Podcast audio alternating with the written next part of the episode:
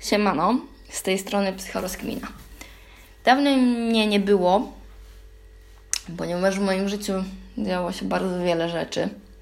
Pozytywnych rzeczy, ale pozytywnych to wcale nie oznacza, że łatwych. Jednak jestem wdzięczna za to, że tyle się działo. I dzisiejszy temat to wdzięczność. Ostatnio mm, jestem bardzo zainspirowana sylwetką pani Oprah Winfrey. Mam nadzieję, że mój English is not very bad i może być taki akcent. Oprah Winfrey jest po prostu zajebista. To jest kozacka babeczka, na serio. I chciałabym z Wami podzielić się takim cytatem, który powiesiłam sobie na lodówce. Codziennie rano go czytam i ten cytat pomaga mi krzewić wdzięczność w moim młodocianym, prawdaż, życiu.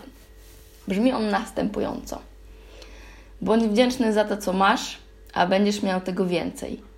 Jeśli koncentrujesz się na tym, czego nie masz, nigdy nie będziesz miał wystarczająco dużo. Tak, to są bardzo mądre słowa. I postaram się rozwalić ten cytat po maksie filozoficznie, zrobić psychorozkminę na temat tego owego cytatu. Bądź wdzięczny za to, co masz, a będziesz miał tego więcej. Serio tak jest.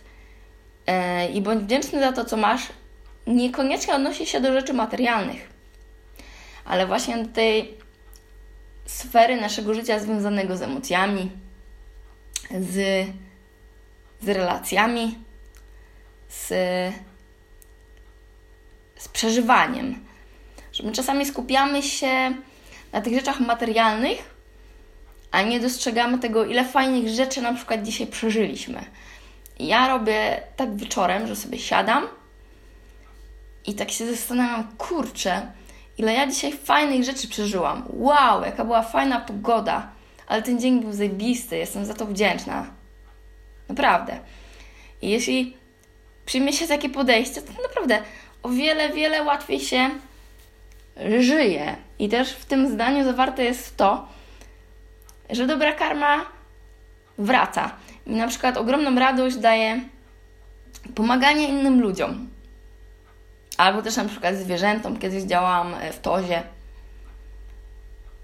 I później ta dobra karma do mnie wraca, bo ja komuś pomogłam, ktoś mi się później odwdzięczył.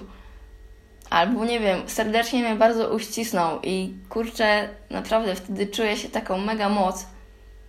Po prostu dla mnie to jest wspaniałe e, uczucie, które, które wtedy mam w sobie, nawet ciężko mi je jest jakoś, jako, jakoś określić, jakoś, jakoś nazwać. To jest po prostu, że ja jestem wdzięczna i potrafię wtedy przyjąć też wdzięczność od, od, od drugiego człowieka. E, jeśli koncentrujesz się na tym, czego nie masz, nigdy nie będziesz miał wystarczająco dużo. Tak, to jest prawda. E, kolejna, mm, której ja przekonałam się też na własnej skórze. Bo jeżeli skupiamy się na brakach, jeżeli skupiamy się na rzeczach, które nas e, frustrują, złoszczą, wkurzają, to przestajemy dostrzegać te dobre rzeczy, które wokół siebie, wokół siebie mamy. I nagle stajemy w takim martwym punkcie, że jesteśmy już tak zafiksowani, że to jest jakiś po prostu dramat, że ani w lewo, ani prosto, ani do tyłu możemy tylko się zatrzymać wtedy i albo coś z tym zrobić i jakby zastanowić się nad, nad tym, o czym nam te emocje mówią, że jesteśmy wkurzeni, że jesteśmy sfrustrowani, tak? I podjąć jakieś działanie, albo możemy się położyć, leżeć i pachnieć. Jeżeli nie wiemy, co, co w ogóle z tym zrobić, to czasem trzeba tak zrobić.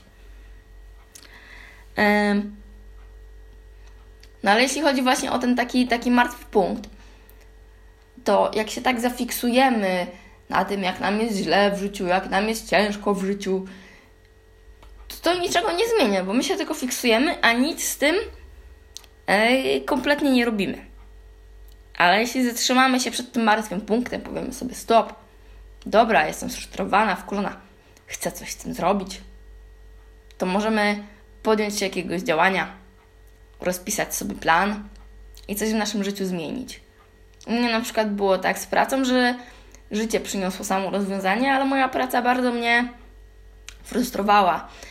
I miałam taki moment, że nakręciłam się na to, że ja się do innej pracy nie nadaję. I w ogóle, że mój los to, to w ogóle to jest, to jest jakiś dramat. Że jestem jakaś nieinteligentna, jakaś głupia i, i tak dalej. No, życie przyniosło samo mi rozwiązanie i poszłam na rozmowę i okazało się, kurczę, wow, super, udało mi się zmienić pracę. Oczywiście to nie jest takie pstryk, bo jakby to, to, to, to, to, to nie jest takie, takie od razu, to jest cały plan działania, tak? Kroków, które, które trzeba zrobić, żeby tą, tą pracę zmienić. No i też wymaga to od nas znowu odwagi. Odwagi na, na zmianę. I wymaga to też umiejętności i akceptacji życia takim, jakim jest. Akceptacji tego, co nam daje, takim, jakim jest. Że nie zawsze jest to łatwe. I ja tego nauczyłam się od swojego, od swojego psychiatry. To jest najważniejsza rzecz, której się nauczyłam. Nauczyłam się przyjmować życia takim, jakim jest. E, jest też taki cytat z takiej kreskówki Było sobie życie, że życie uczy nas jak żyć. I serio tak jest.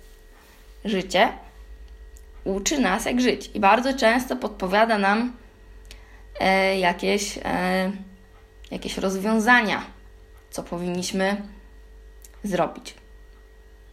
Wracając do wdzięczności, w kontekście do mojej prywatnej historii związanej z walką z bulimią, z nadużywaniem alkoholu, z depresją, z próbami samobójczymi. Kiedyś wstydziłam się swojej historii. Teraz jestem z niej bardzo dumna i dzielę się nią z innymi ludźmi. Uważam, że jest to akt ogromnej odwagi z mojej strony.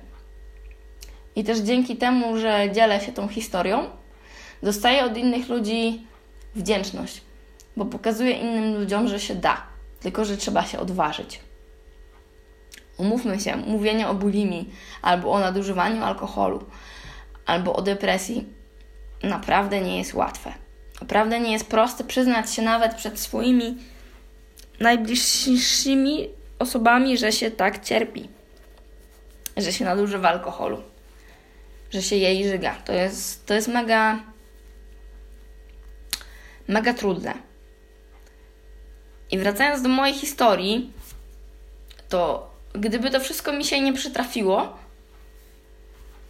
to ja bym nie zmieniła swojego życia, tylko sunęłabym przez to życie jak śledź po folii. Dzięki mojej historii poznałam wielu wspaniałych ludzi, na przykład w szpitalu psychiatrycznym i nauczyłam się przyjmować cierpienia innych ludzi i akceptować ich takimi, jakimi są. Po prostu, że się nie zmienią, że tacy są, że cierpią na takie zaburzenia. Ale to nie znaczy się, że są to ludzie źli albo mało inteligentni. Wręcz przeciwnie. Dzięki mojej historii poznałam wspaniałego lekarza, psychiatrę. Jest to relacja kosmicznie dziwna, z której ja bardzo dużo wyciągam, bardzo się uczę. Ale przede wszystkim dzięki mojej historii to, co dla mnie jest najważniejsze w tej chwili, jak na to patrzę, to moja miłość w związku bardzo się umocniła. Jest to bardzo mocne, szczere uczucie z otwartym sercem. I to wcale nie zawsze jest łatwe ani proste. I teraz chciałabym troszeczkę nawiązać do bycia wdzięcznym za trudne rzeczy, które nas spotykają w życiu, bo łatwo jest być wdzięcznym za radość czy za coś, co nas fajnego spotkało.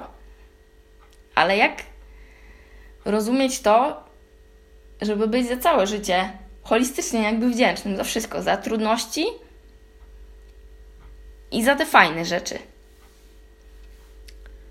No właśnie trzeba się zatrzymać. I teraz no, dajmy sobie taki przykład życia w sensie trudności, jakie, jak ja mam do tego w tej chwili podejście. Co jeszcze parę miesięcy temu tak bym w ogóle nie, nie myślała o tym, ale w tej chwili tak o tym naprawdę myślę i naprawdę stosuję to, tą zasadę, yy, czy tą filozofię, czy to podejście do życia po prostu w swojej codzienności. Trudności. Sprzeczki z związku, jakieś kłótnie. No to jest tak, że w każdym związku są wzloty i upadki i są na przykład też kłótnie. No i załóżmy, pokłócisz się z partnerem. Naprawdę, pożrecie się po maksie. I później sobie myślisz, Boże, znowu się pokłóciliśmy. O Matko Święta, o to już chyba będzie koniec, o Jezus Maria. I myślisz o tym w emocjach. Później wieczorem ja jak się gdzieś tam posprzeczam czy pokłócę, to tak sobie siadam i myślę, hmm, a może ta kłótnia i ta sprzeczka była do czegoś potrzebna? A może ta kłótnia albo sprzeczka była taka oczyszczająca, że wywaliliśmy z siebie gruz, złość, jakieś, jakieś emocje, jakąś frustrację. Może czegoś ta kłótnia mnie nauczyła. I prywatnie tak robię, że z każdej takiej kłótni i z każdej sprzeczki coś wyciągam i nie patrzę na to jako coś złego, jako coś niebudującego, na przykład w związku czy, czy w jakiejś relacji, tylko właśnie staram się z tego wyciągnąć jak najwięcej nauk, jak najwięcej pozytywnych rzeczy, yy, które umocnią jeszcze bardziej tą relację. No ktoś może powiedzieć, że jakaś głupia jestem, że jakieś tworzę filozofię, jakieś drdy mały. Ale serio staram się w ten sposób do tego podchodzić. Wiadomo, że też zdarzają się czasem takie sprzeczki i takie kłótnie, no sama takie przeżyłam, gdzie ta relacja się rozpada i też ta kłótnia jest po to, czy ta sprzeczka potrzebna, żeby pokazać, że ta relacja jest niepotrzebna albo że jest dla nas toksyczna, że nie warto w tej relacji e, w tej relacji po prostu po prostu tkwić. Wracając jeszcze do mojej historii i mojego wypadku związanego z łokciem. Dowiedziałam się, no bo tam miałam dwie operacje od ortopedy. Nigdy pani nie będzie trenować sportu walki. Jeden, drugi, ortopeda trzeci.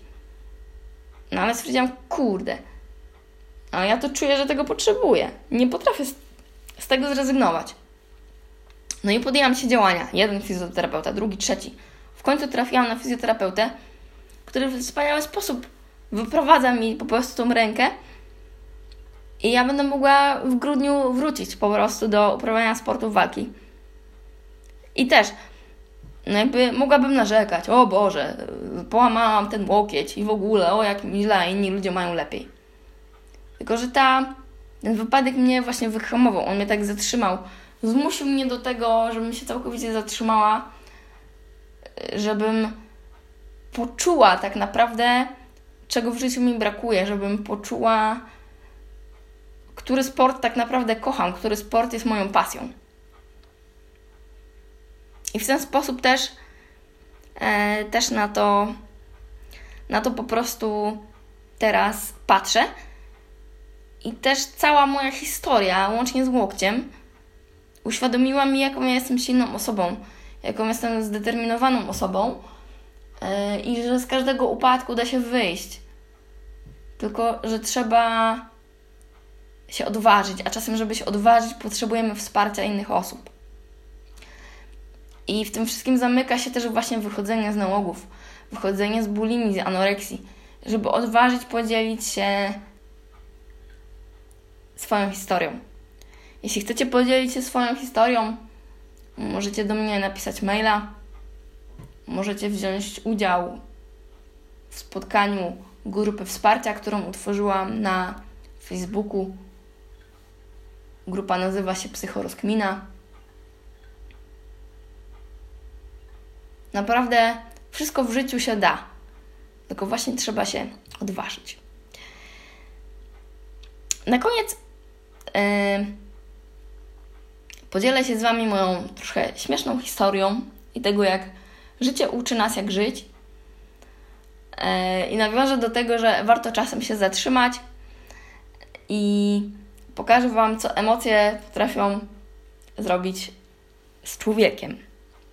Ostatnio w moim życiu dużo się działo, były różne burze w związku. I jako, że jestem osobą bardzo empatyczną, to strasznie to na mnie oddziałało, że, że byłam strasznie zestresowana, zdenerwowana i naprawdę starałam się yy, jakoś te nerwy rozładować, ten stres rozładować poprzez bieganie, poprzez trening, poprzez relaks i nic. Nic nie pomagało. I dalej cisłam, starałam się coś z tym zrobić. Okazało się, że potrzebny był tylko czas i zatrzymanie się i że to samo puści. No ale właśnie w stosunku do tego, jak to nie puszczało. Więc dostałam skierowanie z zakładu pracy na badania. Poszłam do internisty. No i mierzy mi ciśnienie 160 na 100. Babka tak na mnie patrzy, pani się dobrze czuje, głowa panią nie boli.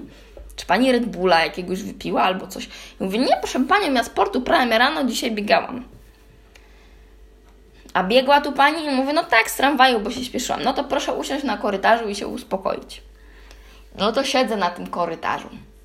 Staram się uspokoić. Wdech i wydech. Dobrze, no to zmierzymy to ciśnienie jeszcze raz. No dalej 160 na 100. No nie, no to tak nie może być. Poszła po drugi ciśnieniomierz, mierzy mi to ciśnienie. No znowu. No ja pani w takim stanie nie wypuszcza do domu. No to, to, nie, ma, nie, ma, nie ma w ogóle mowy tych badań, to ja pani w ogóle nie, nie podbiję. Tu wypisuje pani skierowanie na EKG, pełną morfologię, jutro rano na czczo proszę przyjść zrobić badania. Teraz pani tutaj siada, dostanie pani jakiś tam syrop, 20 minut powinno ciśnienie spaść. Czym się pani tak denerwuje? I mówię, nie wiem, no stres ostatnio mam w życiu. No ale to aż tak? Bo to coś, jakaś jednostka chorobowa chyba. Mówię, nie no naprawdę denerwuję się, mówię, jeszcze pani kitel biały mam, w ogóle mnie to stresuje, maseczkę jakąś pani ma chirurgiczną jeszcze, no masakra, serio, naprawdę, jak widzę biały kitel u lekarza, jeszcze jakąś ma maseczkę i mi ten ciśnienie zakłada, to mi to ciśnienie jeszcze bardziej skacze. No i babka nie mogła tego skumać. Dobra, dostałam ten syrop, siedzę tam, u tych pielęgniarek, nie? Bo, stwierdziły, że nie na korytarzu, tylko że mam w tym gabinecie pielęgniarskim siedzieć, jak tam zemdlała czy coś tam. Minęło 20 minut, mierzy mi to ciśnienie. No nic, ni chuja. Dobra. Pani się nie stresuje, damy tabletkę. Proszę oddychać. No to ja wdech, wydech, włączyłam sobie jazz. Siedzę pół godziny, kurwa, w tym gabinecie. Znowu mierzy mi to ciśnienie. 150 na 90. No dziewczyna, czym ty się tak denerwujesz? Pani Malwinko, proszę się uspokoić tam do mnie. Bo się okazało, że jeszcze oczywiście znajoma pielęgniarka, więc w ogóle zajebiście mnie tam pilnowała. No i siedzę, siedzę, siedzę. Bikuła wyszła do kibla i mówi, kurwa, z tego gabinetu, przecież to są emocje, to nie jest jakaś jednostka chorobowa, to są ludzie, emocje po prostu. Wchodzę z tego gabinetu, biegnie ta piguła za mną. Pani Malwinko, proszę wracać, proszę wracać. I mówi, nie, proszę Pani, ja na własne życzenie idę do domu. To proszę to oświadczenie jakieś podpisać. Mówi, nie, ja uciekam. I uciekłam naprawdę panicznie po prostu do domu. Mam ciśnieniomierz w domu. No i co? No minęły dwa dni, zmierzyłam sobie ciśnienie, no elegancko, 120 na 70. Puls niziutki, bo zawsze no, mam niskie ciśnienie, niski puls. Także no naprawdę emocje potrafią z człowiekiem wyrabiać różne, różne dziwne, dziwne rzeczy. Ciśnienie potrafi skakać do naprawdę jakichś zawałowych norm. No, z mojej strony to tyle. Mam nadzieję, że tak jak i ja spróbujecie krzepić wdzięczność e, w Waszym życiu. Polecam Wam posłuchać sobie Pani Opry. Tak jest. No i cóż, no miłego dnia Wam życzę. Narka.